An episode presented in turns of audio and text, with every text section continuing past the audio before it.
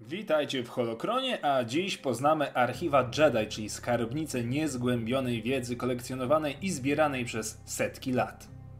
Archiwa znajdują się w świątyni Jedi na Coruscant, a najdalsze zapiski, które tam odnajdziemy, sięgają nawet kilka tysięcy lat wstecz. Zbiór podlegał bezpośrednio po tak zwaną Radę Pierwszej Wiedzy, która nadzorowała i porządkowała liczne wpisy, dzienniki czy artefakty. Praktycznie każdy Jedi miał nieograniczony dostęp do zasobów archiwum, jednak istniały zbiory wiedzy dostępne jedynie za pozwoleniem mistrzów czy też aktualnego opiekuna archiwum. Jak się można domyślać, zbiory te dotyczyły głównie ciemnej strony mocy czy też historii Lordów Sith. Każdy chętny wiedzy mógł kopiować i spisywać informacje zawarte w zbiorach, jednak trwałe usuwanie danych było absolutnie zabronione. Po zniszczeniu Osusa na 3996 lat przed bitwą o Yavin przepadła ogromna część wielkiej biblioteki Jedi. Resztki wiedzy zostały zabrane przez ocalałych Jedi, głównie przez mistrza Odan Ura, który uratował pokaźną kolekcję zasobów. Tak zwanych czterech mistrzów zbudowało następnie świątynię na Coruscant i otworzyło w niej nowe archiwa. Po jednej z czystek Jedi wykonanej przez Darth Siona oraz po pokonaniu Darth Nihilusa, zakon Jedi zaczął się odradzać i zbierać coraz więcej informacji. Proces ten trwał przez kilka stuleci, a archiwa wciąż się rozrastały. Jednak do czasu. Inwazja Imperium Sith, którzy przybyli z nieznanych regionów, sprawiła, że świątynie, jak i archiwa popadły w ruinę. Latami zbierano fundusze na odbudowę, jednak w tym samym czasie Jedi przenieśli się na swój dawny świat, czyli na planetę Titan. Pozostali Jedi z Wysokiej Rady poinstruowali archiwistę, Gnosta Durala, by rozpoczął odbudowę świątyni i jej archiwum. Mimo odbudowy pierwszego, głównego pomieszczenia archiwum, dopiero na 2500 lat przed bitwą o Jawin zbudowano to, co mogliśmy ujrzeć w filmach czy przeczytać w książkach. Nowoczesne, podzielone na kilka hal archiwum zaczęło być największym zbiorem wiedzy w galaktyce. Archiwum pozostawało niezmienione aż do Wielkiej Czystki Jedi na 19 lat przed bitwą o Jawin. Po tych wydarzeniach główny pokój archiwum został zamieniony na muzeum świątyni, które zawierało wszystkie opisy i szczegóły zmieniającej się na przestrzeni wieków świątyni.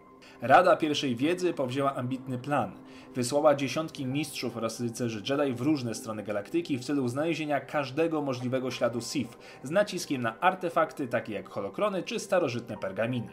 Ogromna liczba zbiorów została następnie zapieczętowana w sercu świątyni i ukryta przed innymi, by ograniczyć wiedzę i ogólnie historię o Sithach w całej galaktyce. Mimo zakazu usuwania trwałych informacji z bazy danych, Darth Sidious wraz z hrabią Duku zdołali usunąć kilka zapisków z archiwum. Informacje te skutecznie odcięły Jedi od wiedzy, która była kluczowa, by plan Darth Sidiousa doszedł do skutku. Wygrali również sekretne ścieżki nadprzestrzenne, które przydały się w nadchodzącym konflikcie. Gdy mistrz Yoda zainteresował się problemem zniknięcia systemu Kamino, odkrył, że zostały usunięte także informacje o 37 innych światach, m.in. o Dagobah czy Dromund Kaas. Podczas wojen klonów dostęp do archiwum był wyjątkowo trudny i ściśle kontrolowany. Każdy korzystający był pod ciągłą obserwacją. Jednak nawet tak wysoki poziom bezpieczeństwa nie uchronił archiwum przed atakami, m.in. ze strony mrocznego Jedi Terenoxa, którego celem były holokrony. Po jego śmierci z rąk Anakina, Rada odkryła, że zniknął przynajmniej jeden holokron. Niewiele lat później Jedi, który bronił zasobów wiedzy swojego zakonu, powrócił do świątyni, by być przyczyną jej zagłady. Mimo licznej i dzielnej obrony, którą kierowała Jocasta Nu, archiwa zostały zdobyte, a Jedi w świątyni wymordowani. Reszta ocalonych, widząc, że nie powstrzymają Vadera, poczęli niszczyć archiwum przy pomocy mieczy oraz mocy. Setki lat historii i informacji przepadło, jednak nie dostały się w ręce Sithów. Niemniej ogromne ilości zasobów archiwum zostały następnie przekazane Darth Sidious'owi, który rozpoczął jego katalogowanie za pomocą Armanda i Sarda. W tym samym czasie przepadł wielki holokron Jedi, a niektóre zapiski w archiwum zostały zmienione tak, by służyły jako propaganda anty-Jedi. Sif miał także smykałkę do interesów. Ruiny świątyni można było zwiedzać za opłatą, a jedynie najbogatsi z bogatych mogli sobie pozwolić na wykupienie wstępu do samego archiwum. Niedługo później archiwum zostało ponownie zamknięte po tym, jak wpadł do niego sekretny uczeń Vadera, Starkiller, ale to już inna historia. Świątynia wraz z archiwami została opuszczona. Jej martwy szkielet, zimne, puste korytarze miały być świadectwem i dowodem na potęgę nowego imperatora. I tak też było przez wiele lat. Aż do Nowej Republiki budynek stał opustoszały. Odwiedził go później syn tego, który był odpowiedzialny za upadek instytucji. Luke Skywalker w ciszy przemierzał ruiny świątyni. Raz jeszcze podjęto próbę wznowienia archiwum, tym razem przy pomocy historyka Jedi. Zaczęto od usuwania kłamstw, które wprowadził Sidious, a następnie zabezpieczono resztę informacji.